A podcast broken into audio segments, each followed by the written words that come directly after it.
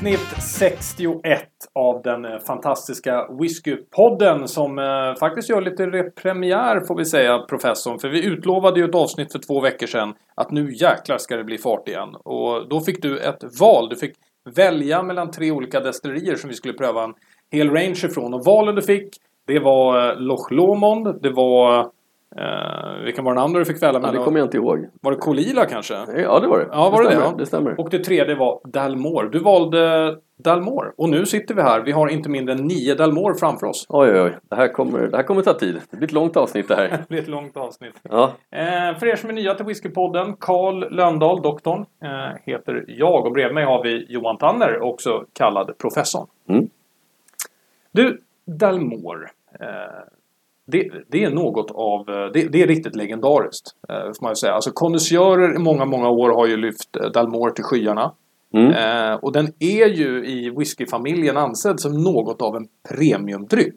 Får man väl säga. ja den, här har ju, den här är någonting man all, alltid i alla år har sett på, på hyllor eh, både på Systembolaget och på taxfree med sin karaktäristiska, nu höll jag på att säga älg, men eh, det, det, det är kanske inte riktigt rätt här. Och, och det är någonstans, eh, att jag säger så, det är, man känner, alla har nästan en igenkänning av den här flaskan. Ja.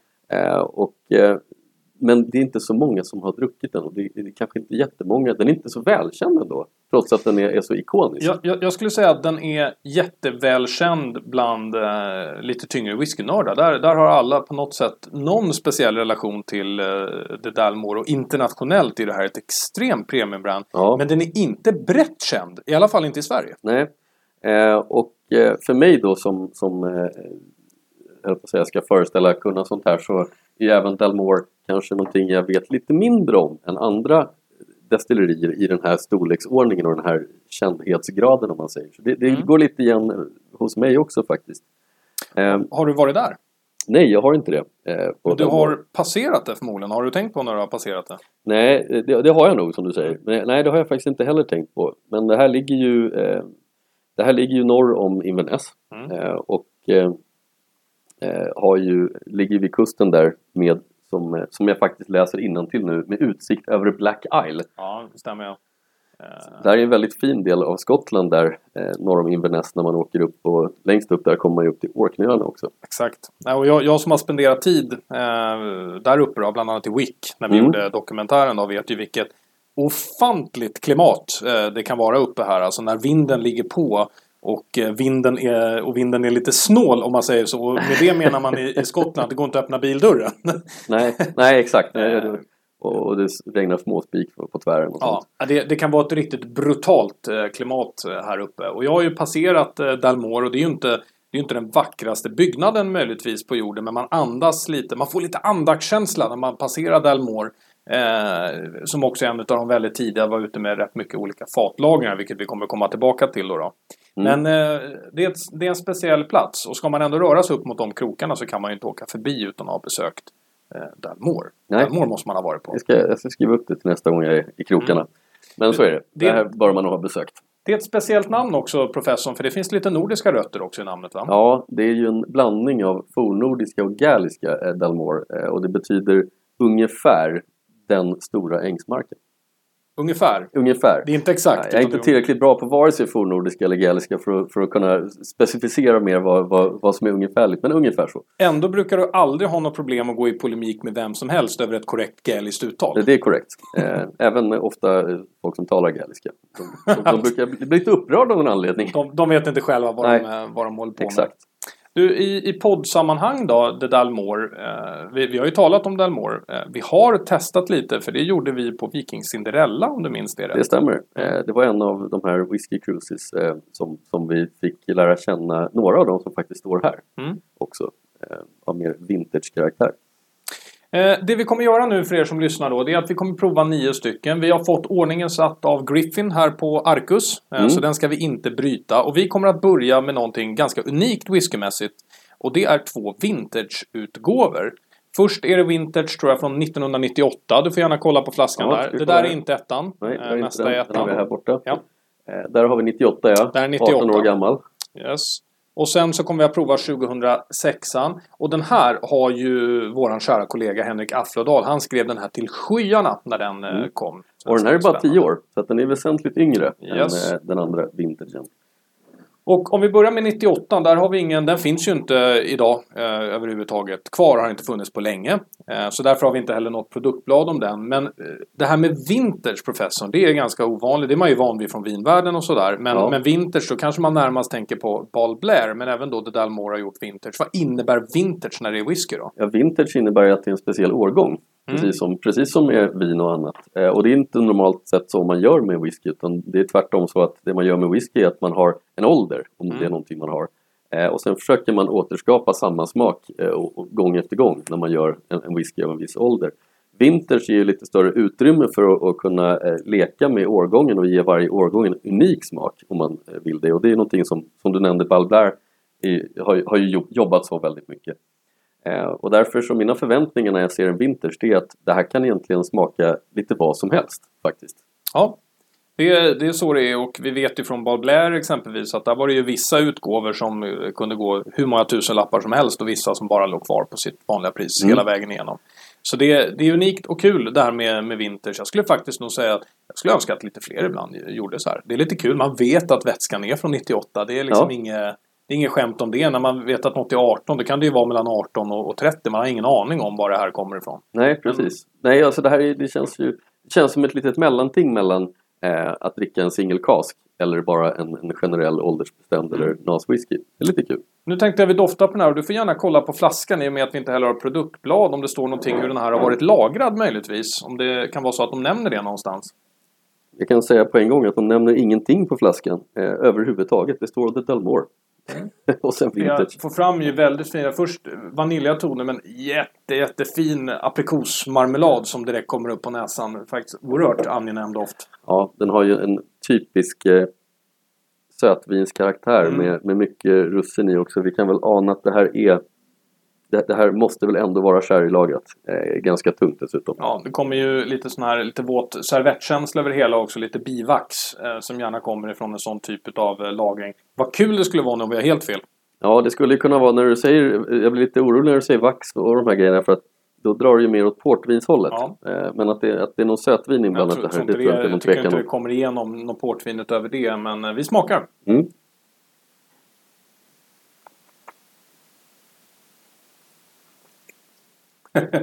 Finstämt så det sjunger om det. Mm. Oj! Du, hade jag fel om aprikosen eller kände du eftersmaken? Mm. Oj, oj vad det kommer!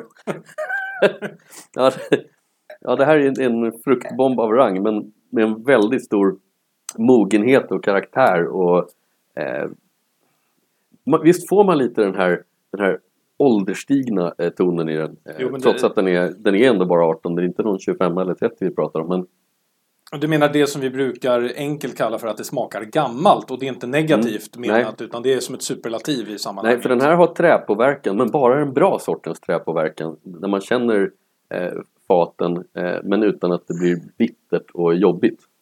Och det är väldigt trevligt. Du, då ska jag berätta för dig att eh, jag var tydligen inte alls helt fel eh, ute för det här är port.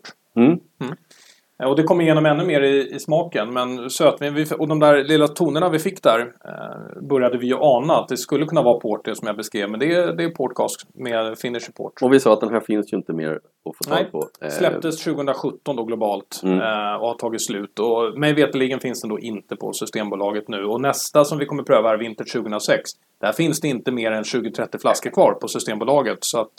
Mm.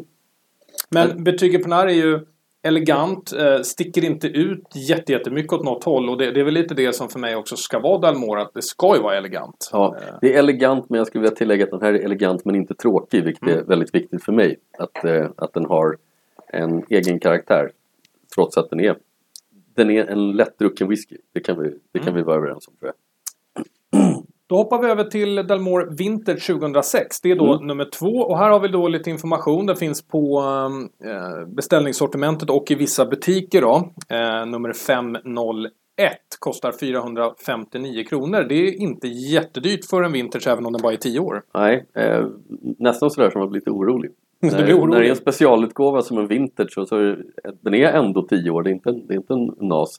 Så ja, det, låter, det låter ju väldigt prisvärt utan säga utan att smaka den. Men vi får hoppas att Henrik har rätt här. Ja, ja Wow, jag vill att du doftar på den och tänker grädden som kommer härifrån. Grädden och Mm. kolan. Det här är ju mycket lättare i doften Mm. än, än den här 18-åringen och det är väl som väntat. Men det här är en helt annan lagring också. Uppfattar jag det som. Ja. Nej, det här är, det här är bourbon. Eh, solklart bourbon. Mm. Mm, får så här spritter vanilj, vaniljstång, eh, gammal vanilj. Det är väldigt fräsch och Mm. har lite, den, den har li, lite så här nästan våtservetter jag på säga. Jag menade det bra. Eh, Ja, lite så här bakad äppelstyle, lite honung. Och, och päron naturligtvis. Mm, nu vet jag ju vad det är jag försöker få fram med vaniljen här. Det är lite mjölkchokladsås. Alltså väldigt ljus mjölkchoklad. Eh, mer åt Marabou-hållet. jag, jag måste smaka Nästan på den här. choklad. Eh, Mm.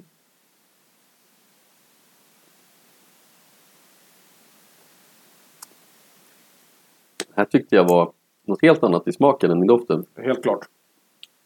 Mycket mer robust i smaken. Mer höstlöv, äpplen, kanderade Här kommer det brända toner. Mm. Eh, det kommer nä, nästan lite åt svavelhållet. Eh, precis lagom mycket för att den ska kännas lite, lite skitig. Jag, jag känner igen den här skitigheten. Den är lite grann som i Craig-Ellachie. Ja, Det ja är faktiskt. lite Craig-Ellachie-skitighet i den här. Mm. Och det är rätt spännande för det här är ju också från området kanske där man oftast inte gör eh, så, så skitiga smaker. Det här är ju spännande. Jag kan förstå vad, vad Henrik, eh, jag misstänker att det är någonstans här Henrik är helt såld, att den här är fortfarande en väldigt lättsam whisky men så har den lite sån här attitydproblem.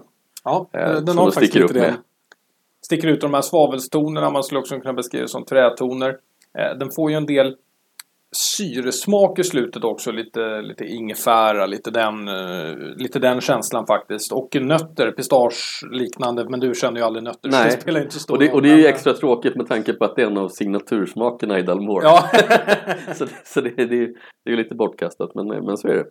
Men jag får, jag får också att den här är lite, den är rätt spritsig och fräsch i, Mm. eh, i smaken. Eh, Men, men jag skulle ju fortfarande rekommendera det här till någon, alltså någon som eh, vill springa hårt. För det här är ju en bourbonlagring som sagt.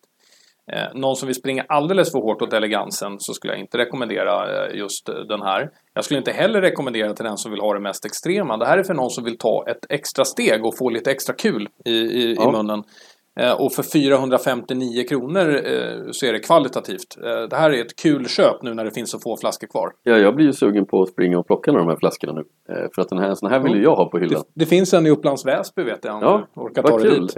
Då vet jag vad vi gör efter Och- inspelningen. Och för er då som funderar, ha nu nämner de lokala orter i, i Stockholm så kan vi också säga, vi vet inte heller var Upplands Väsby ligger i Stockholm. Men det går Exakt. säkert att hitta. Exakt, Du sa Lapplands Väsby, sa? Ja, jag, jag vet inte. Ja, det var Delmore Vinter. Så nu ska vi hoppa in på, på lite age statement här nu då. Mm. Som också finns på Systembolaget. Och vi kommer att börja med 12 som också måste vara deras absolut bäst säljande. Eh. Ja, det är väl den här som är mest känd. Det är väl den här man ser på alla hyllor överallt Ja. när, man, när man snubblar på ett, ett sortiment med whisky. Och det här är då lite kul. Delmore 12 då, då artikelnummer 87510. Eh, den är dyrare än vintagen. Den kostar 499 den här 12 eh, Spännande. Den är ju äldre visserligen så Mm. eh, det, det är ju en ganska ärlig prissättning får man ju säga då. Men frågan är vad den gör i doft och smak. Jag, jag blir så imponerad av för den här har ju kryddiga toner, jättefina örter. Och, och det, det här förvånar mig för att de här tre nu har haft helt olika dofter. Totalt, Mm. fullständigt. Så här, här tänker jag närmast på en sån här, här orientaliska toner som man nästan kan få i Mm. en indisk whisky. Pre- precis, det var det jag menade med örter, men du har helt rätt. Ja. Det är ju inte nordiska örter, Nej. utan det är nästan orientaliska örter. Det nästan drar åt nästan curryhållet. Ja. Alltså det är... Så här minns inte jag Dalmore Inte- 12. inte- inte men det var heller, länge men- sedan jag drack den. Men det är en angenäm doft måste jag säga. Och det här är med de här inslagen av örter och grejer. Då förstår man också att den passar då eh, bra till, tillsammans med citrustoner, aprikostoner, sockriga toner och sådär. Just för att de har de här fina kryddorna. Lite som eh, eh, Amrut Naranji. Lite, alltså lite åt det hållet Ja precis, den en- in på. exakt. Det, det är lite den samma stiltypen på något sätt.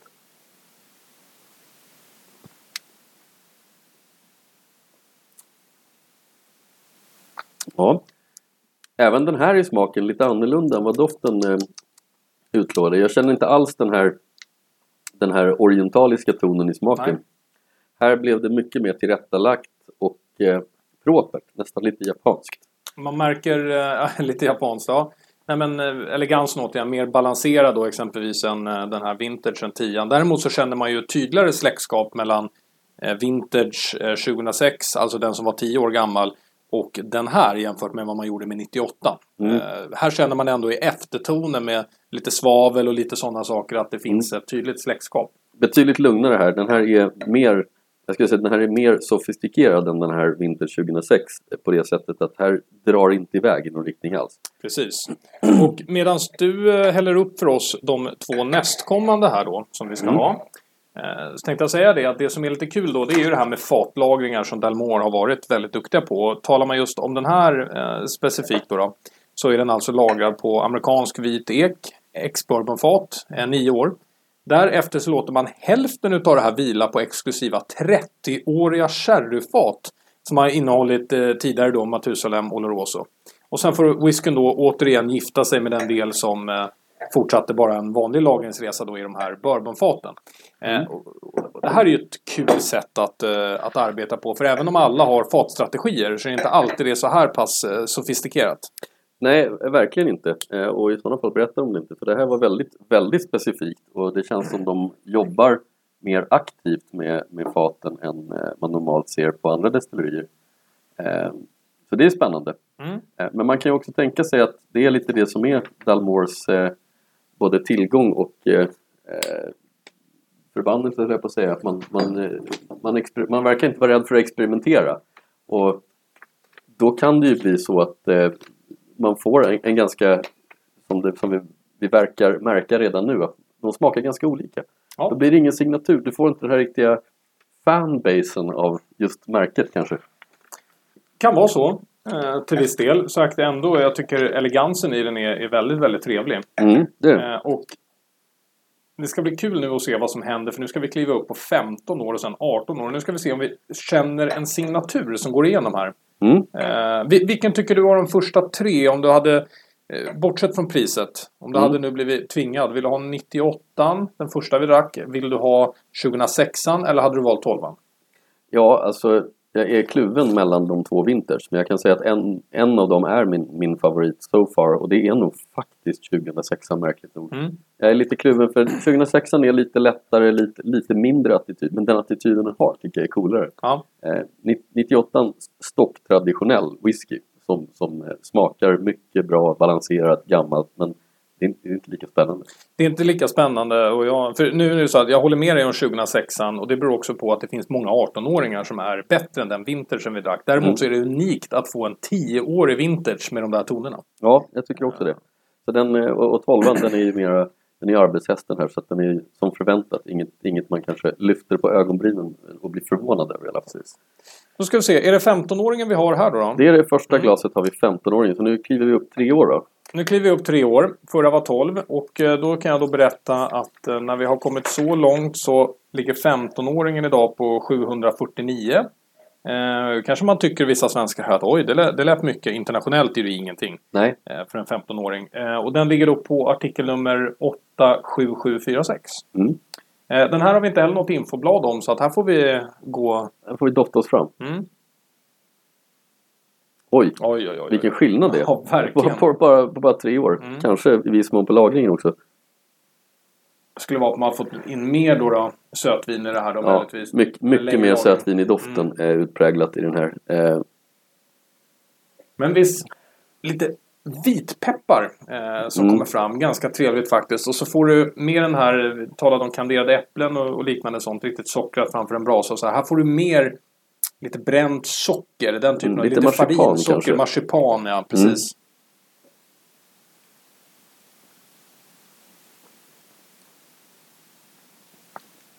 Ja, tolvan växer upp fort på tre år. Mm. Oh, här kom wow. riktigt skönt sherryträ kommer i bakänden av den här. Nu börjar jag baklänges med men det här är ju lite definitionen av en, av en eh, galant trevlig eh, whisky som inte är rökstil eller faktiskt ens utpräglad sherrystil. Eh, trots att det är uppenbart att det är sherry. Men jag gillar det här att det är, att det är balans. Eh, för att så kan även eh, aktörer som eh, ta Glenlivet, eller ja, även Glenlivet, men Glenfiddich som exempel. De jobbar ju också gärna med att det är inte så att man bara har bombat den med sherry utan det ska ändå finnas en balans mot övrig fatlagring så att du kan Mm. få fram flera olika smaker. Jag tycker det är oerhört viktigt. Mm. Det här är ju extremt elegant och det är den första som faktiskt kliver upp och gör lite runt kinderna också. Ja, man känner på insidan av kinderna att det pepprar till. Den drar lite i syra och den, den, den triggar för mig en hel del eh, citrusreceptorer också Mm. i, i, på vägen. Det, det här är... Den har det mesta den här faktiskt. Mm. Det enda om jag hade fått addera något på den är att eh, eftersmaken är fortfarande relativt kort. Mm. Eh, Får ingenting riktigt ner i, i halsen men utöver det så är hela munnen fylld utav glädje. Ja.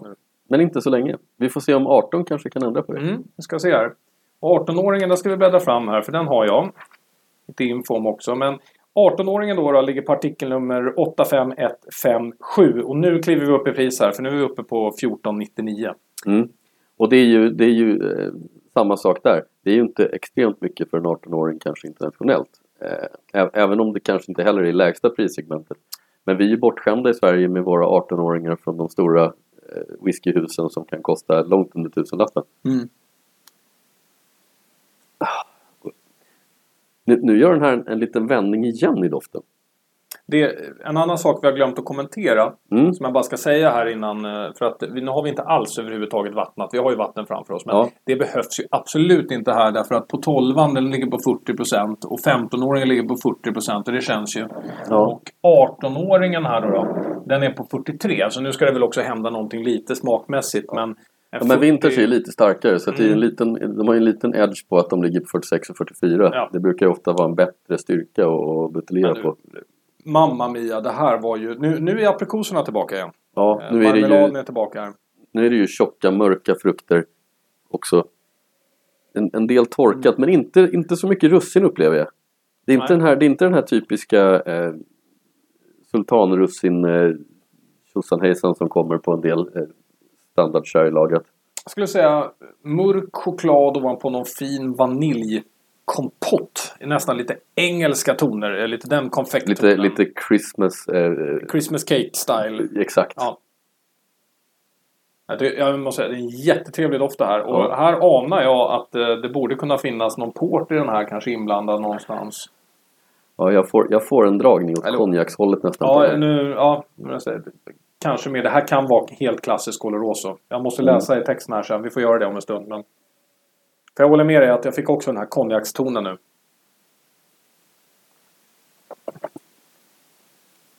Mm, vilket tryck det var i den här. Ja.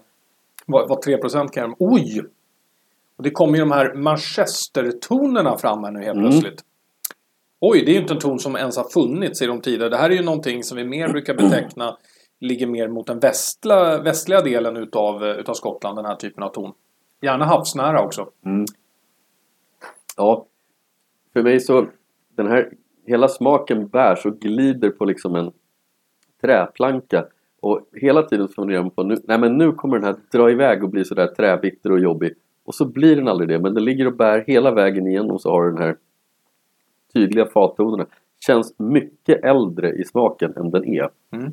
eh, skulle jag säga Håller med eh, lite fina tändtoner på slutet. Lite tobakstoner, lite kaffe. Lite kaffe kommer in här också. mm. Det här är gott. Ja, det här är, är, är mycket trevligt. Är det någon man skulle kalla för cigar malt? För har vi inte den lite senare här också? Jo, vi har cigarrmalt senare. Ja, så är det här, det här är en cigar malt för Mm. mig. Men jag förstår att man kanske inte valde just den här och namnsatte så. Och eh, utav de här tre då, 12, 15, 18 om man ska köpa en age statement från Dalmore. Vi kommer ju prova 25 sen också men den, eh, den har ju kommit på eh, vanlig import tror jag om jag inte minns fel här. Precis, den finns ju inte ens på Systembolaget. Så utav de här tre age statement, vad, vad hade du valt och, och varför? Åh, det här är svårt för att jag vill ju gärna väga in priset också, prislappen på Mm. den. Och jag tycker alla tre eh, eh, är ju, de är bra på en nivå så att de åtminstone någorlunda motiverar sitt pris. Jag måste nog ändå, jag måste ändå säga 12 i det här fallet för jag tycker pris prestanda på den kanske är bäst. Mm. Ehm, ja, 15 är jättebra, 18 också, men, men frågan är, är de så bra med tanke på vad jag kan köpa i Sverige? Nej, jag är inte säker. Jag kanske säger 12 faktiskt. Mm. Så professorns köprekommendation är en Dalmore 12. Mm. Kan jag upprepa igen då. 499 kronor, artikelnummer 87510. Mm. Får vi se här om Whisky Sverige följer dig professorn eller Ja. om du går och köper något helt annat. Ah, ja, ni ska prova de andra också. Det, Ja, ja, det är inget snack om det. Men, eh, men ja, nej, men den, den känns eh, bra prisprestanda. Mm. Exakt, den här smaktypen. Nu ska professorn få göra ett folieryck. Ett Eh, folieryck ska vi ja, göra. det är på Portwooden och sen efter det så ska vi ha Cigar Malt så jag kan väl hälla upp den så länge. Och nu kommer vi ju till en, eh, en produkt som ibland då kan vara lite, lite komplex för vissa. Och det är ju eh, Portwood för att Port Finish har vissa väldiga problem och vissa tycker att det är väldigt gott. Ja, jag tillhör ju den senare kategorin som just tycker att Port Finish är väldigt gott. Mm. Eh, naturligtvis beroende på whiskyn som, den, som är finished är god. Men, eh, men eh, den har ju lite speciella toner. Man kan förstå varför. tänkte inte hälla något mer i det där glaset eller? Nej, jag tyckte det var lite för lite. Så. Men Ja, jag, jag fick mindre. Nu fick jag det stora glaset. Ja, exakt. Ja, ja. Då får du ett glas av mig här. Du vet, det är det här som kallas en och en halv centiliter provning. Ja, ja. Eh, Det är så svårt att se när man är bakom en skärm. Så. Eh, och det här var nu nummer ett vi ska pröva här va? Och det här var nummer två. Yes. Mm. Bra, man kanske skulle ställa bort lite, lite glas också. Men medan vi gör det. ehm, den första då, det är ju Portwood Reserve. Ja, stämmer. Eh, Nej, det var det inte. Den första var... Jo, det är ja, Portwood det är först. Portwood Reserve. Yes. Så det är väl din, den här? Ja, det är tvåan här, precis. Nu börjar vi röra till det lite. Och så Så. han börjar hälla på glasen här, så man vet Ja. aldrig vad som händer i den här studien. Alltså, hur svårt kan det vara? Sen ser jag också att vi verkar sakna glas, men jag ska lösa det alldeles strax. Ja, Eller vi gör så här, sista kan vi ju kan vi dela på ett glas bara. det kan vi göra. Eh, ja, nej, men den här är väl eh, ganska unik då. då. Eh, och det beror väl på att naturligtvis att eh, namnet Portwood Reserve kommer naturligtvis från de fat man använder. Och det är ju sådana som tidigare har innehållit eh, portvin. Mm. Och som vi nämnde, det där kan vara lite, lite svårt för, eh, för vissa. Och vi har ju portvin som antingen kan vara både vitt och rött får man ju komma ihåg också. Så Ja, det det här är helt beroende på vad man, vad man har haft i då, då Mm. Eh, vad tycker du när du doftar på den här? Nu börjar det bli lite mer vinöst förmodligen då. Förvånansvärt mycket marsipan istället för vinöst faktiskt. Verkligen, jag blev också nu, helt nu chockerad. var det, nu var det Nej, marsipangris. riktig marsipankaka, marsipangris. Och du, det, jag ska berätta, det här är helt unikt. Jag känner jättemycket nötighet i den här. överlag. Du, du är inte frisk. Nougat hoppas jag är det du känner. Ja, det kan det vara. Mm. Ah, den är väldigt, väldigt sympatisk i doften men jag kan tycka faktiskt lite tunnare nästan än en del andra. Om man, om man liksom räknar bort lite av Jag den här. nog, alltså, jag tycker den har ju mindre smaker och det beror ju på portvinet, eller mindre dofter. Portvinet tar över väldigt mycket här men jag tycker det är en bredare smak Mm. eh, än vad det har varit på, på de tidigare. Jag tror jag måste värma den här lite grann för att jag upplever att jag saknar den här vaxduken från portvinet lite i doften. Ja, nu kanske man kan ana den lite mer.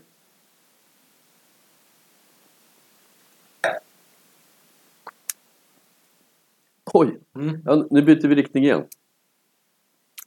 Och där kommer den att dra Mm. väldigt vinöst på slutet. Det, det jag imponeras av här nu är att eh, den här vanliga tonen som många får problem med, den här vaxduken. Mm. Eh, den är ganska utbalanserad här. Alltså det kommer ju tydligt fram att det här har ju varit port och det har varit det sötvin och så vidare. Va?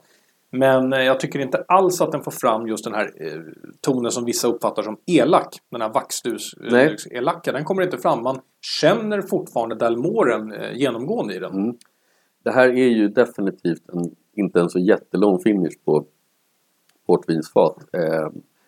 Det som skvallrar om det är att själva sötman i sötvinstonen inte så utpräglad heller. Nej, det är den inte. Det är mer faktiskt trätoner från Mm. ett sötvinsfat än, än det nödvändigtvis är portvinstoner. Jag, jag gillar det här för det är drag i den på slutet också. Ehm, då menar Den här inte- stramar verkligen. Den stramar verkligen och det är, inte, det är ju en spritig ton naturligtvis som, som kommer fram.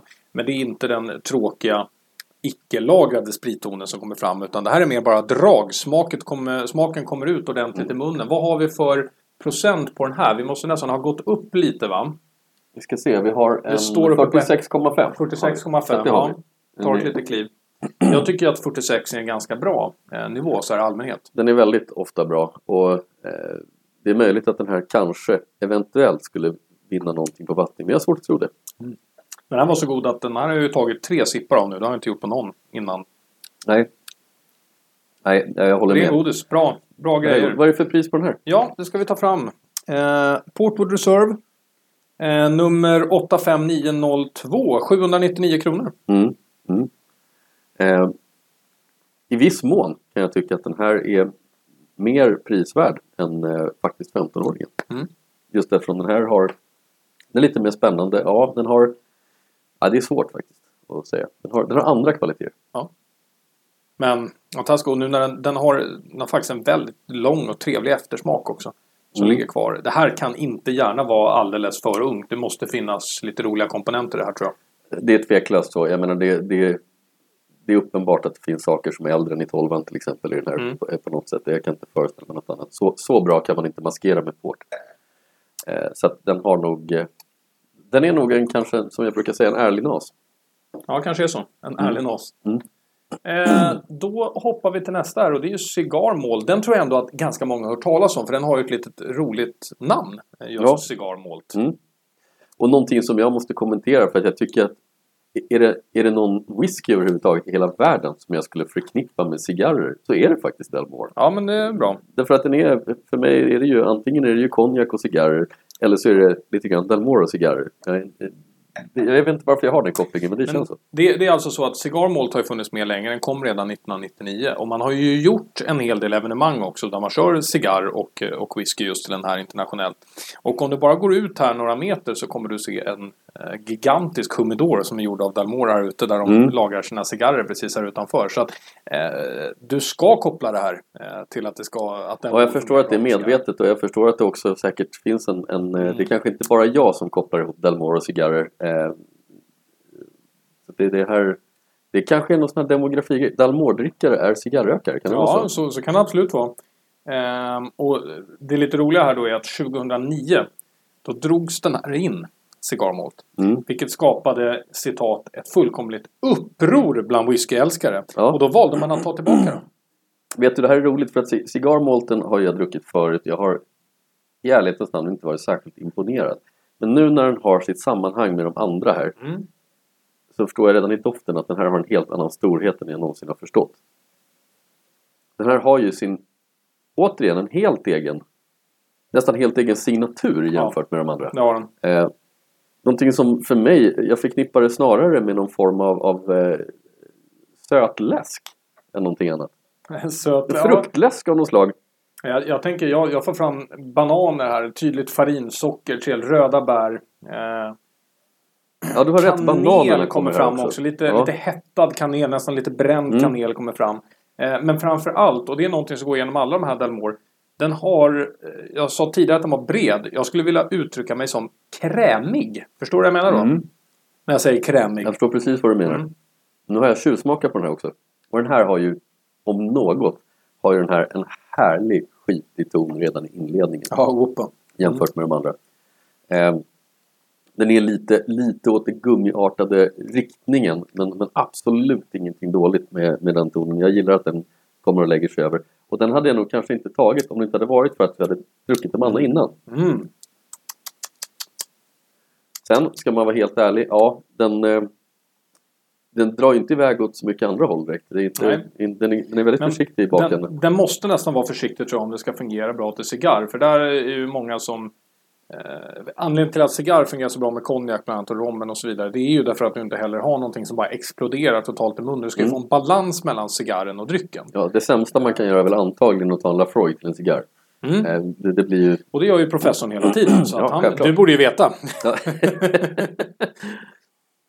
Ehm, ja, eh, min slutsats av den här. Jag är mycket mer imponerad av doften. Mm. Särskilt efter det här. Eh, är av smaken. Smaken är bra, den är spännande. Men den slutar vara spännande ganska fort också. Ja. Och det som du säger. Det kanske är det som är hela konceptet med att det är en cigarrmål. Jag, jag skulle tro att det är så. Det är precis samma sätt när man tänker mat och eh, dryckespairing. Där det faktiskt ganska ofta är eh, de svåraste är de som ligger på mellan 15 till 20 år med hög alkoholhalt. För den äter upp så mycket. Mm. Medan en 10-12 med lite lägre alkoholhalt fungerar jättebra att para med rätt mycket. Mm. Och också de lite äldre alkoholhalterna börjar falla ner och du får lite mer avancerade toner så kan du jobba lite mer spot on med. Det här fungerar till kött. Det här fungerar Mm. till en sån här typ av ost och så vidare. Jag tänker mig att det borde vara likadant på, på cigarr. Och eh, The Dalmore Cigar Malt, eh, den finns på nummer 85875. Den kostar 999 så här får du kliva upp 200 kronor. Då. Ja, då måste jag säga att min favorit cigarmalt i Dalmore-rangen hittills det är Portwood Reserve. Mm. Det är min cigarmalt. Eh, Så du tar, om du väljer mellan de här två, då väljer du Portwooden. det gör jag och det, dessutom väljer jag den till cigarr. Mm. Om det skulle vara så. Ja. Eh, Du väljer i och för sig också Lafroig till cigarr. så Ja. Det, ja. Mm. Nu du ska vi gå in på någonting heligt. För er som har följt oss i flera år så vet ni att professorn var inblandad i Uppsala i en... Eh, han var kombatant mot en herre som faktiskt sitter en trappa ner härifrån. ja, det stämmer. Eh, Thomas Sundblom Mm. eh, som äger Clydesdale. Och då hade ni ett... Eh, var det VM i, eh, i whiskyquiz eller något liknande? Det var något sånt. Ja. Ja. Ja, Och då fick professorn frågan Vilka är de sex ingående faten i King Alexander den tredje från Dalmore? Eh, och det var märkbart irriterat. Jag ber er att gå in och titta på den här. Den finns på Youtube. Jag Ja, tror att jag det tror är avsnitt avsnitt 25. 25. Ja, Mm, vi firade lite då. mm. Eh, och det bara, dina ögonbryn bara rycker så att man skulle kunna tro att en hjärnblödning var nära. För du var så irriterad och arg på mig ja. vid det tillfället. Men eh, med, med, med det sagt så är ju den här väldigt rolig. Eh, för att det är sex stycken olika fat som vi ska pröva och det är sex stycken eh, eh olika ekfat. Eh, så att här i då, självklart, i ekfat. Eh, ska vi se om vi har fått en lista här, för det hoppas jag. Eh, just det. Eh, de fem olika portvinsfaten, det är då Marsala, Madeira, eh, Oloroso, Matusalem igen då. då. Mm. Och sen så är det en, eh, en Cabernet Sauvignon då. då. Och det är lite udda. Det är väldigt udda ja. Eh, vi har haft några exempel med sådana som har kört lite rödvinsfat. Bland annat Smögen kan man ju Mm. pröva. De har ju rödvinsfat ibland. Du, ska du rycka den här? Ja, det ska, det ska vi göra. Eh, Och- Jag rycker den. Den här är ju gigantisk exklusiv och King Alexander kan vi ju inte tänka oss något annat än att man eh, man har tänkt sig lite internationellt där med hans, eh, med hans namn och så vidare. Ehm, det här är roligt. Alltså innan vi ens har, har börjat pröva den ska jag säga. Vi har ju prövat den här massor utav gånger och den är ju lite dyrare också. Du får kliva upp då till 1899 kronor. Ja. Men Skicka över lite glas här bara så ska jag Ja. se till att vi får jag är så exalterad här. Ja. Jag, vet, jag vet knappt vad jag ska berätta bara för att jag är så exalterad. Nej, men det här är kul. Alltså, eh, om man är whiskyintresserad så måste man ändå ha prövat den här för att den har så mycket olika fatlagringar. Och som vi har lärt oss i serien här hittills så är ju deras specialitet är rätt mycket roliga lagringar. Och här går man ju bananer fullkomligt. Mm.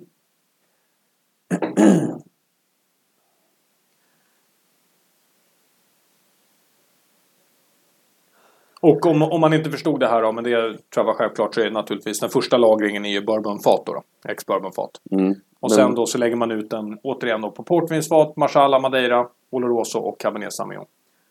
Den här är, den här är en Wow. jobbig jävel att lukta på därför Jaha. att när man gör det så i doften så tror man att man, att man snappar upp något men det, det är plötsligt något annat och sen är det något tredje, något fjärde. Den här är ganska svår att identifiera men väldigt, väldigt sympatisk i doften. Ah.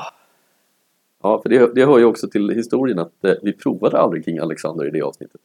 Nej, det, det gjorde vi inte. Men vi, vi har provat den på... Jag tror den är med i Cinderella-avsnittet, men vi har gjort så många avsnitt nu Mm. att jag inte ens är säker längre. Men Om inte annat kanske vi provade den på Uppsalamässan eh, det året. det, det som kommer fram här är att man känner ju tre fat rätt tydligt. Alltså Cabernet Sauvignon kommer fram för den är så unik. Och portvinet kommer fram. Och sen Oloroson som lite sötma-bas. under Jag det tycker mig nog känna faktiskt marsalen också. Eh, det är lite sådär tiramisu eh, Ja, eh, på den.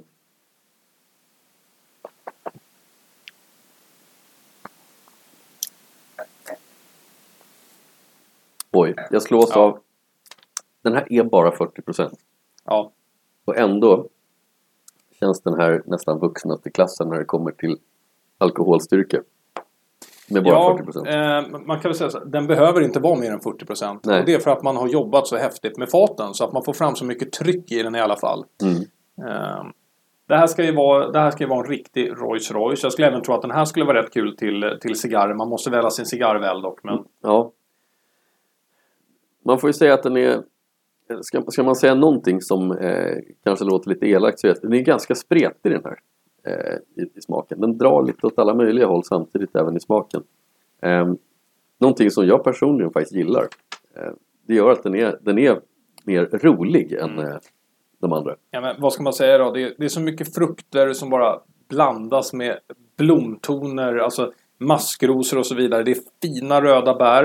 Eh, det jag tror som du letade efter med den här marschalan här är att det kommer lite samma man kan få i munnen vattnades av lite passionsfruktstoner. Eh, jätte, jättefint. Eh, sen kan man ju inte säga annat än att om man börjar med smaken skulle man kunna säga komplex, punkt. Ja, Ja, Kom- och där komplex skulle man egentligen kunna sluta. söker, ja. Eh, Men sen så kommer det ju allt från crème caramel. Vi har jätte, jättefin... Eh, mm, är det inte apel... Vad, vad, vad heter... Kumquat. Nja, det är det du säger apelsin. Ja, var det inte apelsin du var inne Jo, på? men eh, vad heter det som man använder till eh, drinkar? Eh, som är som parfymet nästan. Som zest. Zest, ja. Ja. Mm. Lite den tonen. Mm. Ja, den här lite grann har allt på gott och ont. Eh, det, det är ju definitivt hittills den mest eh, komplexa i, i uppställningen skulle jag påstå. Mm. Eh, Och i en eh, legendarisk utgåva. Eh, folk har förmodligen sett den på, på hyllorna. Passa på att pröva den. Några utav er ska ju på Cinderella-mässan om inte speciellt många veckor. Och där kommer den ju finnas också Mm. till, till bra pris. Så att, då tycker jag att man ska titta på den närmare. Den här ligger då på 1899 kronor. Mm. Eh, artikel nummer 85053. Vad är din spontana kommentar på det? det, det, det är en, en fantastisk komplex whisky. Är den, är den så bra? Kanske. För, det beror på vem som dricker den skulle jag påstå. För mig, ja, jag vet inte om jag tycker att... Jag, jag, jag tror inte jag skulle lägga de pengarna på den här whiskyn. Men eh, Vem ska göra det då? är det någon som gillar en, eh, den, här, den här stilen? För den här tycker jag trots allt är ganska representativ för Dalmore-stilen. Det är eh, en, en fruktdriven, sötvinsdriven historia som har en elegant malt i botten och den här lite arkivkänslan i, i, i tonen också. Mm. Eh, så att gillar man den stilen så tror jag man kan älska den här. Eh, det, det är som eh, de, de yngre varianterna fast på steroider. Ja. Ja, då ska vi se. Här har vi hällt upp då, perfekt hällt. Eh, Det här är ju nu Dalmore 25. Och Mm. Dalmore 25 den finns ju inte bara på eh, beställningssortimentet här i, i Sverige, professorn. Det, den här finns är, inte alls? Det gör den inte. Däremot så går det att privatimportera den. Så att det går alldeles utmärkt att göra genom Systembolaget. Men den här ligger på runt 8000 ex moms. Mm. Ja, då börjar vi röra oss upp i, i de övre domänerna. De där där jag anser att man nästan lämnar eh, allt vad prisvärdhet heter. Eh, kul, kul att prova, eh, inte så kul att köpa. Jag kan ju också nämna att om du nu vill privatimportera professorn och du får känsla här. Så har du även Dalmores 40-åring som är eh, så otroligt unik att det mesta som sker med den det är alltså, där talar vi kungliga hovleverantörer och grejer till olika länder skickar den för den ligger på strax över 50 ex moms. Mm. Deras 40-åring. Så då förstår man här att det finns ju exklusivitet i Dalmore. Ja, det gör det. Eh, och de här prisnivåerna på en 40-åring, de har vi ju, de har vi ju sett i andra sammanhang också. Och Ja, även högre. Men, eh, men visst, det, det borgar ju för att det, det är inte en, en slask 40-åring man har hittat på hyllan. Det här är ju en fantastisk ton. Exotiska frukter, sirap, fikon, Åh, Mm, wow, och kaffe. Jättefina kaffetoner. Balanserade chokladkaffetoner och sådär. Mm.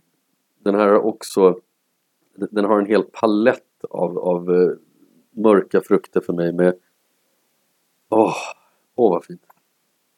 Alltså det här, det här är så gott att dofta på att man skulle kunna hålla på hur länge som helst.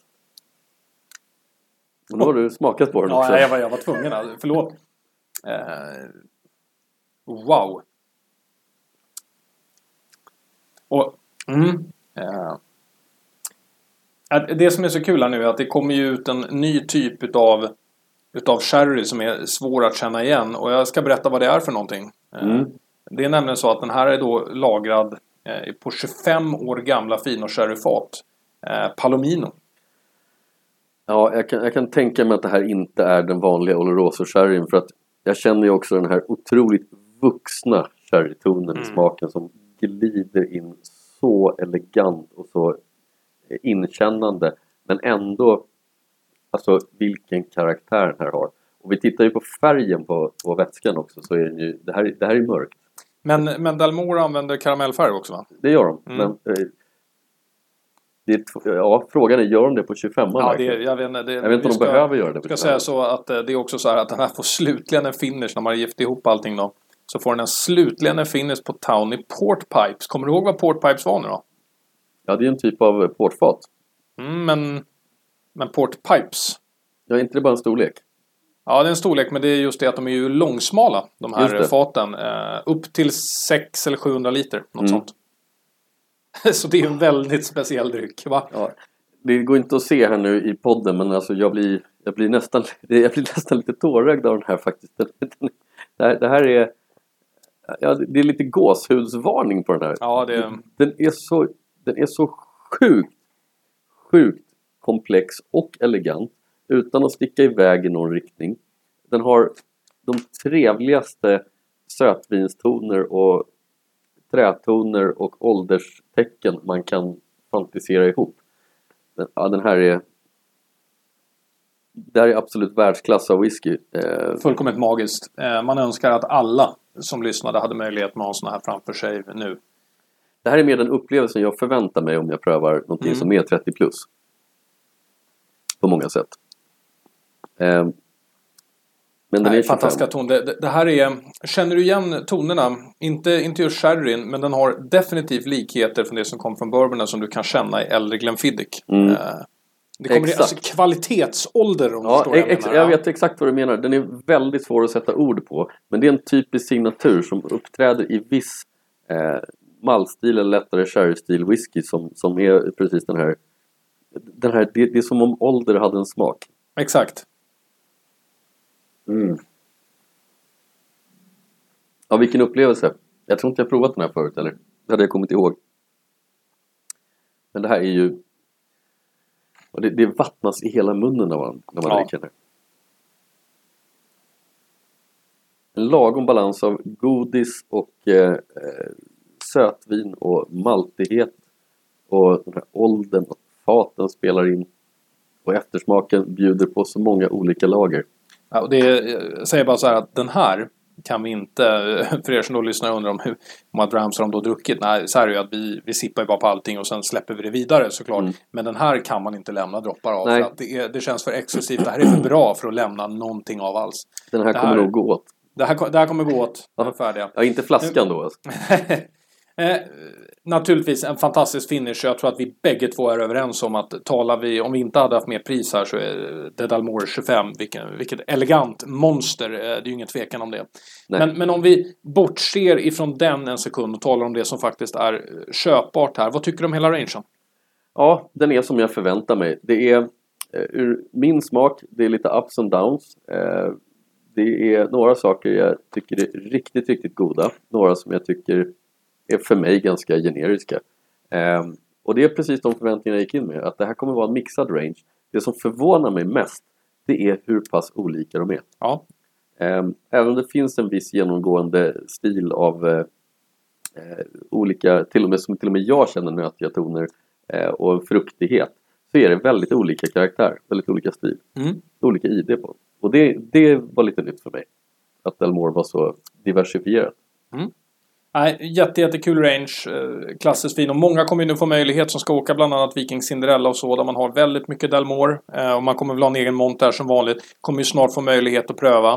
Eh, ett extra slag återigen för vintagen som vi gillade då 2006. Att det finns bara ett fåtal kvar i Sverige. Så där är det ju att skynda, skynda. Om man Mm. vill köpa hem en, en sådan. Precis. Du, du fick ju då i förra avsnittet så fick du valet då eh, till nästa avsnitt vad det var för någonting som du ville pröva. Så nu, nu kommer du få ett val igen. Jag tänkte mig någon bourbon. Mm. Vad väljer du? Oj, får jag välja vad som helst nu? Ja, Ehm, ja, vi har ju provat en del bourbon. Eh, det har vi ju faktiskt gjort. Ja, det är svårt. Jag är inte, det är inte min styrka, men någon som alltid dyker upp i alla möjliga sammanhang som vi brukar pröva men inte prata så mycket om, det är Michters. Mm. Mm. Tog mig nästan lite på sängen där. Ja, nej men det är klart tusan vi ska pröva det. Det kan Mm. bli jättekul. För de har ju allt ifrån... Till att börja med så försöker de profilera sig idag som en, som en premium eh, bourbon och det är jättekul. Mm. Och jag vet att de säljer så, så det bara smäller om det drinkmässigt på, på Stureplan. Då, då gör vi så här. Då ringer jag dem. Och så ska vi se till att ordna en rangeprovning. Kul! Det ser jag fram emot. Ja. Du, jäkligt tack för eh, idag professorn. Tack och själv. eh, skål i Delmore 25. Ja, skål!